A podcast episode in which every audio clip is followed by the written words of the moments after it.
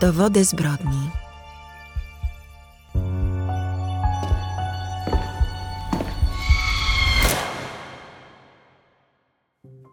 W pierwszej połowie lat 90. z Indianapolis w stanie Indiana zaczęli znikać mężczyźni. Łączył ich podobny wiek, waga, wzrost oraz orientacja seksualna. Homoseksualni młodzi ludzie po prostu znikali z dnia na dzień, ale nie szukano ich specjalnie intensywnie. Miasto było wówczas dość konserwatywne i policja nie chciała zagłębiać się w sekrety gejowskich środowisk. Stawiano na wersję, że mężczyźni uciekli z Indianapolis dobrowolnie w poszukiwaniu miejsc bardziej wyzwolonych i otwartych, takich jak San Francisco czy Nowy Jork. Pozostały tylko zrozpaczone rodziny, bez wieści od swoich najbliższych. Nikt nie przypuszczał, że młodzi ludzie nie opuścili miasta. Pozostali w nim na zawsze, na pewnej pięknej posesji. Pierwszym, który zaczął coś podejrzewać, był prywatny detektyw. Virgil Vandagriff został wynajęty przez jedną z rodzin do odnalezienia 28-letniego Alena Broussarda w czerwcu 1994 roku. On właśnie rozbudził ciekawość i wątpliwości lokalnej policji. Najpierw rozesłał plakaty i informacje na temat Alana po całym mieście – Ostatnio widziano go, jak wychodził z gejowskiego klubu Brothers. Początkowo detektyw był przekonany, że mężczyzna rzeczywiście po prostu wyjechał z własnej woli z prowincjonalnego miasta. Jednak wkrótce zorientował się, że zaginięć jest znacznie więcej, a wygląd fizyczny i wiek zaginionych oraz okoliczności ich zniknięcia były zbliżone.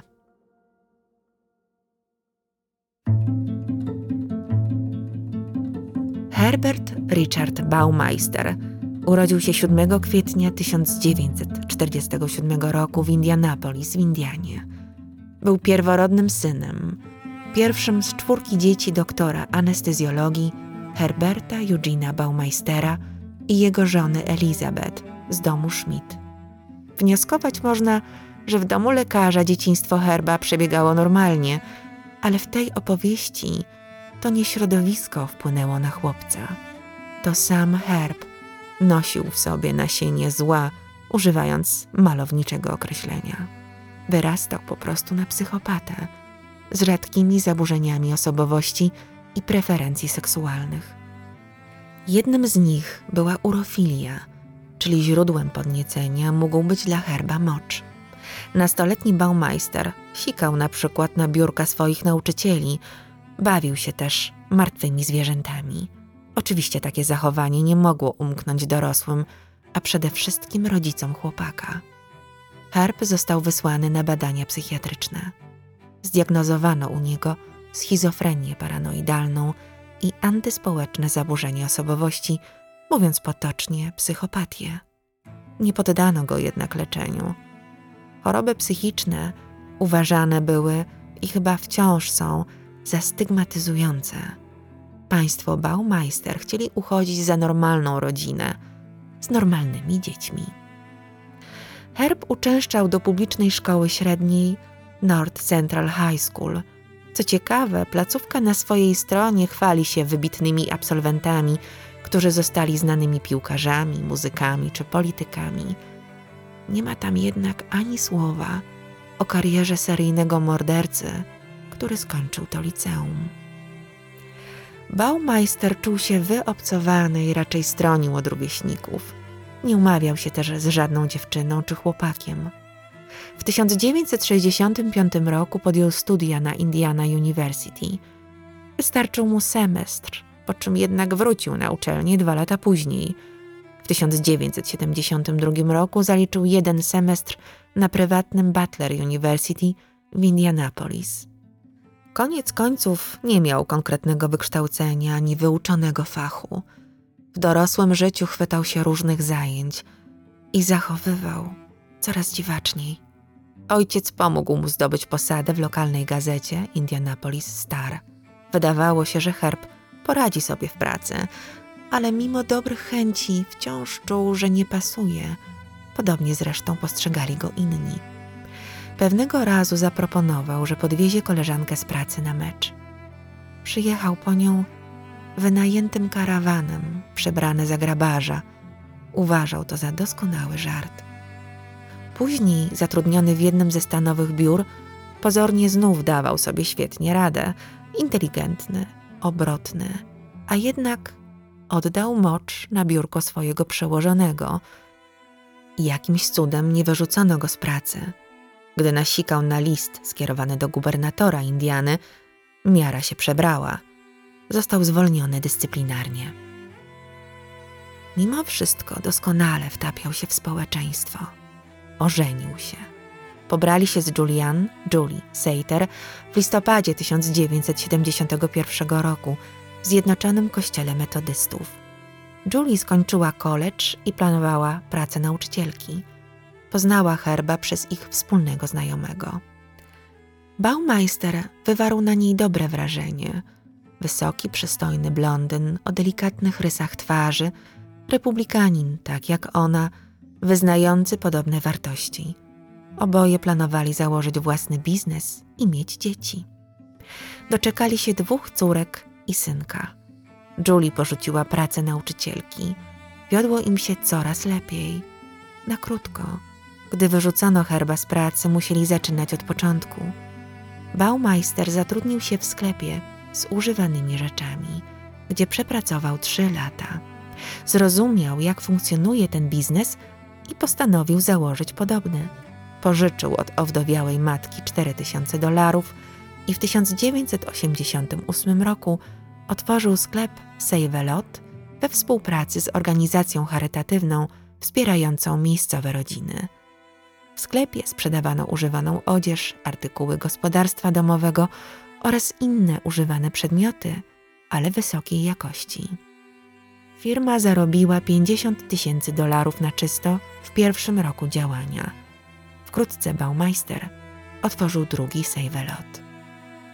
Rodzina zamieszkała we wspaniałym domu na wielkiej posesji Fox Hollow Farm pod Indianapolis w hrabstwie Hamilton, w dzielnicy dla bogatych ludzi. Dom w stylu Tudorów z czterema sypialniami, dwiema bibliotekami, krytym basenem w piwnicy, stadniną koni i garażem na pięć samochodów miał witrażowe okna i imponującą sylwetkę. Było to idealne miejsce do wychowania dzieci oraz do ukrycia tajemnic Baumeistera.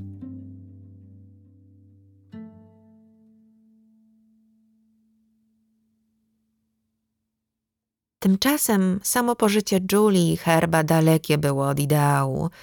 Dały o sobie znać kłopoty psychiczne mężczyzny. Już pół roku po ślubie, na prośbę synowej, jego ojciec skierował go do szpitala psychiatrycznego, gdzie przebywał przez dwa miesiące. W domu dominował herb.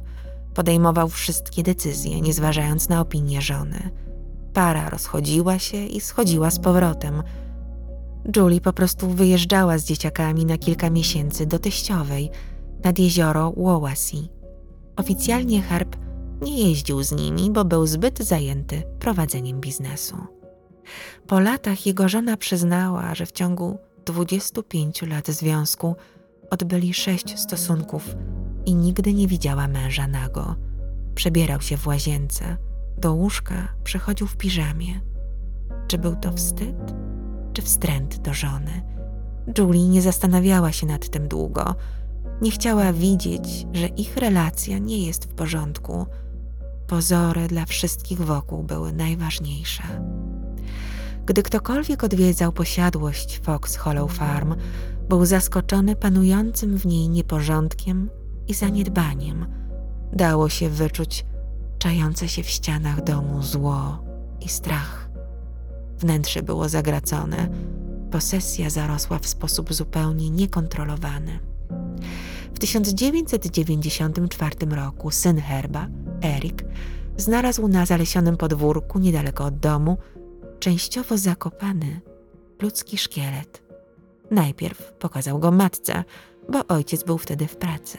Po powrocie, skonfrontowany ze znaleziskiem herb, wyjaśnił bardzo spokojnie i rzeczowo, że był to jeden ze szkieletów sekcyjnych jego ojca. Najpierw schował kości do garażu, po jakimś czasie, po ich wyczyszczeniu, znów zakopał w ogrodzie. Temat został ucięty i więcej do niego nie wracano. Tymczasem wspomniany przeze mnie na początku detektyw Virgil Vandagriff rozpoczął swoje śledztwo i rozbudził zainteresowanie policji. Tylu zaginionych, wszystkich łączył młody wiek, podobny wzrost i waga, miejsce zaginięcia, orientacja seksualna. To nie mógł być przypadek. Coś ich musiało łączyć. Na początku lat 90. śledczy z Indianapolis oficjalnie otworzyli śledztwo. W 1994 roku matka 34-letniego Rogera Alena Goodleta zgłosiła się do detektywa Vanda Griffa. Ustalił on, że Goodlet wyszedł z baru Our Place z innym mężczyzną i obaj odjechali jasno-niebieskim samochodem z tablicą rejestracyjną z Ohio. Świadek, Tony Harris, dodam, że to nie jest jego prawdziwe nazwisko, który znał Goodleta, zauważył, że jeden z mężczyzn w klubie z dziwną uwagą przygląda się plakatom rozwieszonym po zaginięciu znajomego. Wysoki, chudy i milczący Brian Smart, bo tak mu się przedstawił, był stałym bywalcem wielu gejowskich lokali. Tony wdał się z nim w stawkową rozmowę, która bardzo szybko przerodziła się w nieśmiały flirt. Smart zaprosił go do siebie na noc – Powiedział, że jest architektem krajobrazu, który przygotowuje dom dla nowych właścicieli. Zaprosił go tam na koktajl i pływanie w basenie. Tony pojechał razem z nim i gorzko tego pożałował.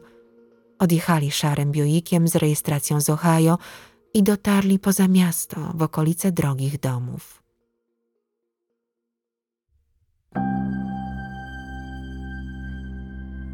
Weszli do dużej, nieoświetlonej rezydencji w stylu Tudorów przez garaż. Stało tam kilka aut. W domu wszędzie leżały porozstawiane bez składu meble i kartony. Smart zaprowadził gościa do specjalnego pomieszczenia w piwnicy, skrytym basenem i barem. Tony skusił się na wejście nago do wody, a Brian zostawił go na chwilę samego. Wrócił bardzo pobudzony – prawdopodobnie pod wpływem narkotyków. Nagle wyciągnął ogrodowy wąż z kąta i zaczął z podnieceniem opowiadać, jak wspaniale jest podduszać kogoś podczas seksu. Tony według niego powinien zobaczyć, jak wygląda człowiek, gdy się go dusi, a jego usta i twarz zmieniają kolor. Po czym gospodarz rozebrał się i położył na małej kanapie Założył Tonemu wąż na szyję, a sam się masturbował. Przerażony Tony robił wszystko pod dyktando, po czym w pewnym momencie udał, że stracił przytomność. Brian potrząsnął nim z krzykiem, a następnie sam zapadł w sen. Korzystając z tego, Tony poszedł na górę obejrzeć dom. Natknął się na zabawki dziecięce i kobiece rzeczy. Widać było, że ktoś tu jednak mieszka. Gdy Brian obudził się, odwiózł swojego gościa z powrotem do miasta. Mężczyźni ustalili kolejne spotkanie na za tydzień. W umówionym miejscu i czasie Tony Harris czekał na Briana Smarta wraz z detektywem, ale tajemniczy mężczyzna nie pojawił się. Niestety opis domu, jaki zapamiętał Tony i jego okolicy, był zbyt mglisty i nie udało się go zlokalizować.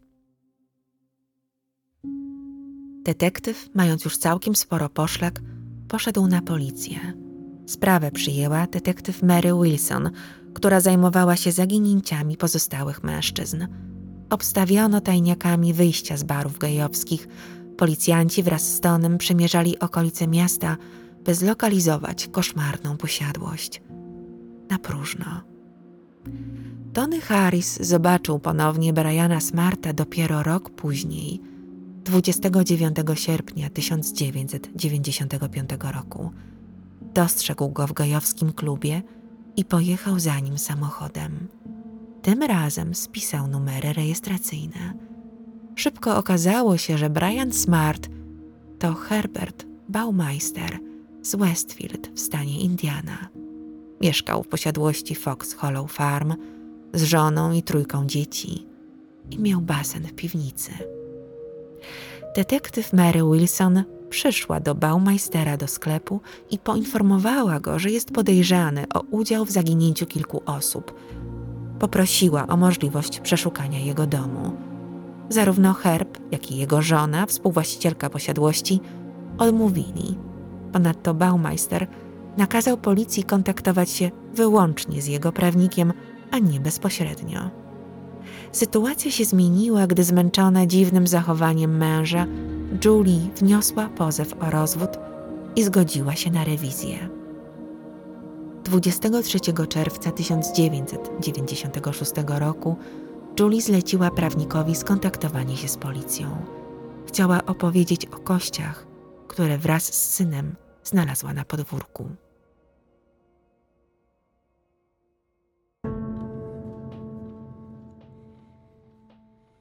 Baumeister był z Erikiem u swojej matki, gdy jego posesję przeszukiwali śledczy.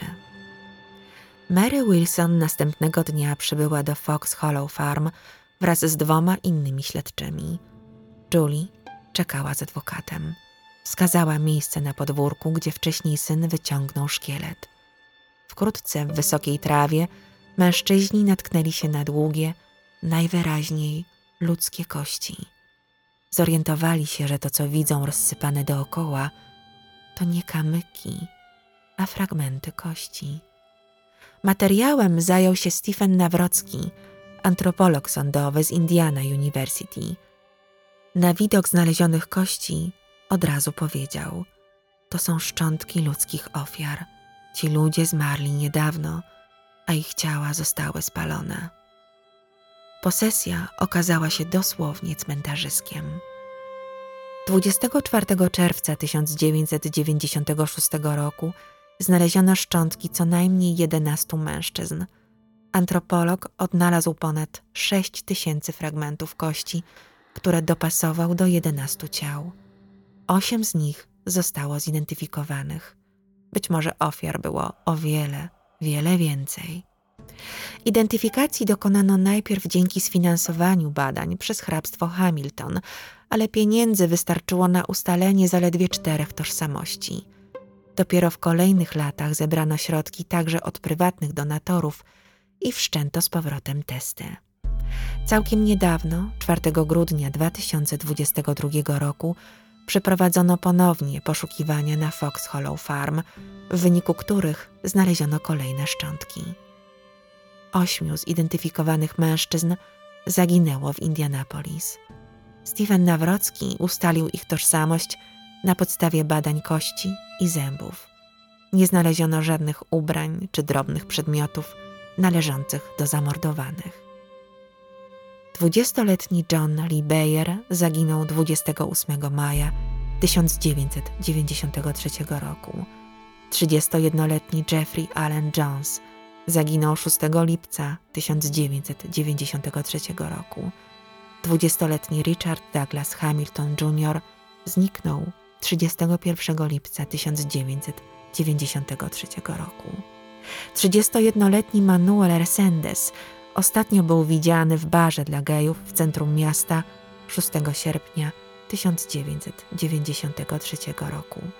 28-letni Steven Sperlin Hale zaginął 1 kwietnia 1994 roku. Również 28-letni Allen Wayne Broussard zaginął dwa miesiące później. 34-letni Roger Allen Goodlet zaginął 22 lipca 1994 roku. Ostatni zidentyfikowany, Michael Frederick Kern, ostatnio był widziany 31 marca 1995 roku w barze dla gejów. W domu Baumeistera znaleziono należącą do niego kurtkę. Powiązano z herbem jeszcze dwóch mężczyzn zaginionych w Indianapolis. Allen Lee Livingston widziany był ostatnio 6 sierpnia 1993 roku, tego samego dnia co Resendes. Jerry Williams Comer, lat 34, widziany był ostatnio 8 sierpnia 1995 roku. Wracając do historii mordercy, wydano nakaz aresztowania Herba Baumeistera. Gdy 60 osób przeszukiwało posesję Fox Hollow Farm, sprawca uciekł. Dosłownie rozpłynął się w powietrzu. Na chwilę skontaktował się z bratem, dzwoniąc do niego z Michigan i prosząc o przesłanie mu gotówki. Prawdopodobnie przybył do Kanady 30 czerwca, tydzień po ujawnieniu szczątków rozsypanych wokół jego domu. Wieczorem 3 lipca 1996 roku nad jeziorem Huron w parku Pinery Provincial zjadł kanapkę z masłem orzechowym i strzelił sobie w głowę. Zostawił trzystronicowy, samobójczy list. Wyrażał w nim żal. Żałował, że naruszył ciszę i porządek w parku odebraniem sobie życia. Żałował, że doprowadził do rozpadu swojego małżeństwa, a jego biznes upadał. Wcześniej tego dnia zauważył go żołnierz, którego zainteresował samotny mężczyzna śpiący w samochodzie, wyładowanym kasetami wideo. Zaczepiony przez niego Baumeister powiedział, że jest tylko turystą.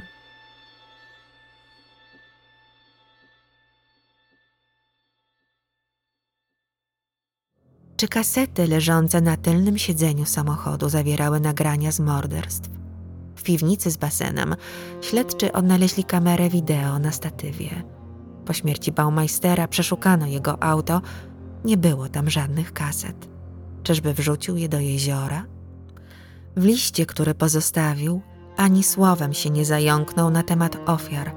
Nie przyznał się do żadnej zbrodni. Nie przyznał, że poznanych w barach dla gajów mężczyzn sprowadzał do domu, dusił i zakopywał ich ciała w kompoście, a potem palił i chował kości na posesji. Baumeister wiązany jest również z serią morderstw popełnionych wzdłuż autostrady międzystanowej i 70 w stanie Ohio. Ofiarami byli młodzi homoseksualiści. W latach 80. Herb wielokrotnie jeździł służbowo do Ohio. Również świadkowie rozpoznawali w nim tajemniczego mężczyznę podejrzanego o uduszenie wielu osób. Sekret zabrał ze sobą do grobu. Dom i posesja Fox Hollow Farm została opuszczona przez rodzinę Herba, a potem wielokrotnie sprzedana, za każdym razem za coraz niższą kwotę. Tego typu nieruchomość określana jest w Stanach Zjednoczonych jako psychologically affected. Jej cena, choć dawniej szacowana na kilka milionów dolarów, z właściciela na właściciela spadła poniżej miliona. Podobno czwórka z ofiar Baumeistera wciąż snuje się nocami po ponurej posiadłości w Westfield. Herb natomiast bywa widywany w oknie salonu. Stoi smukły i milczący. Do dziś Fox Hollow Farm odwiedzają tropiciele zjawisk paranormalnych. Historia, którą opowiedziałam, została wspomniana w zaledwie jednym zdaniu w książce Davida J. Gibsona Dowody zbrodni, jak rośliny rozwiązują zagadki kryminalne. Biegli z zakresu kryminalistyki botanicznej pomogli w ekshumacji szczątków na terenie posesji Baumeistera. Kiedy gleba osiada nad rozkładającym się ciałem, w gruncie powstają zagłębienia. Najpierw rośliny nie chcą rosnąć w tym miejscu – po jakimś czasie grób staje się dla nich doskonałym punktem do wegetacji. Porównaniu z innymi miejscami na określonym obszarze, rośliny wyrastające nad ludzkimi szczątkami będą się różnić pod względem kwitnienia i owocowania. Mogą się też pojawić inne, nietypowe gatunki.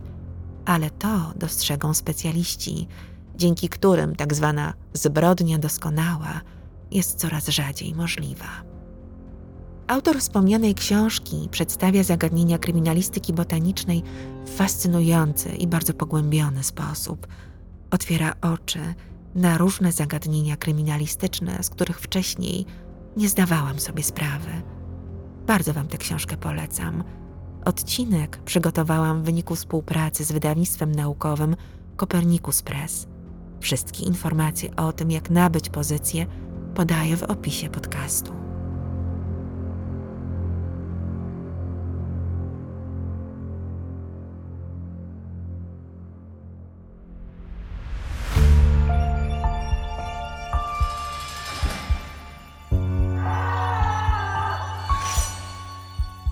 Usłyszenia i do zobaczenia w moim worku kości. Renata z worka kości.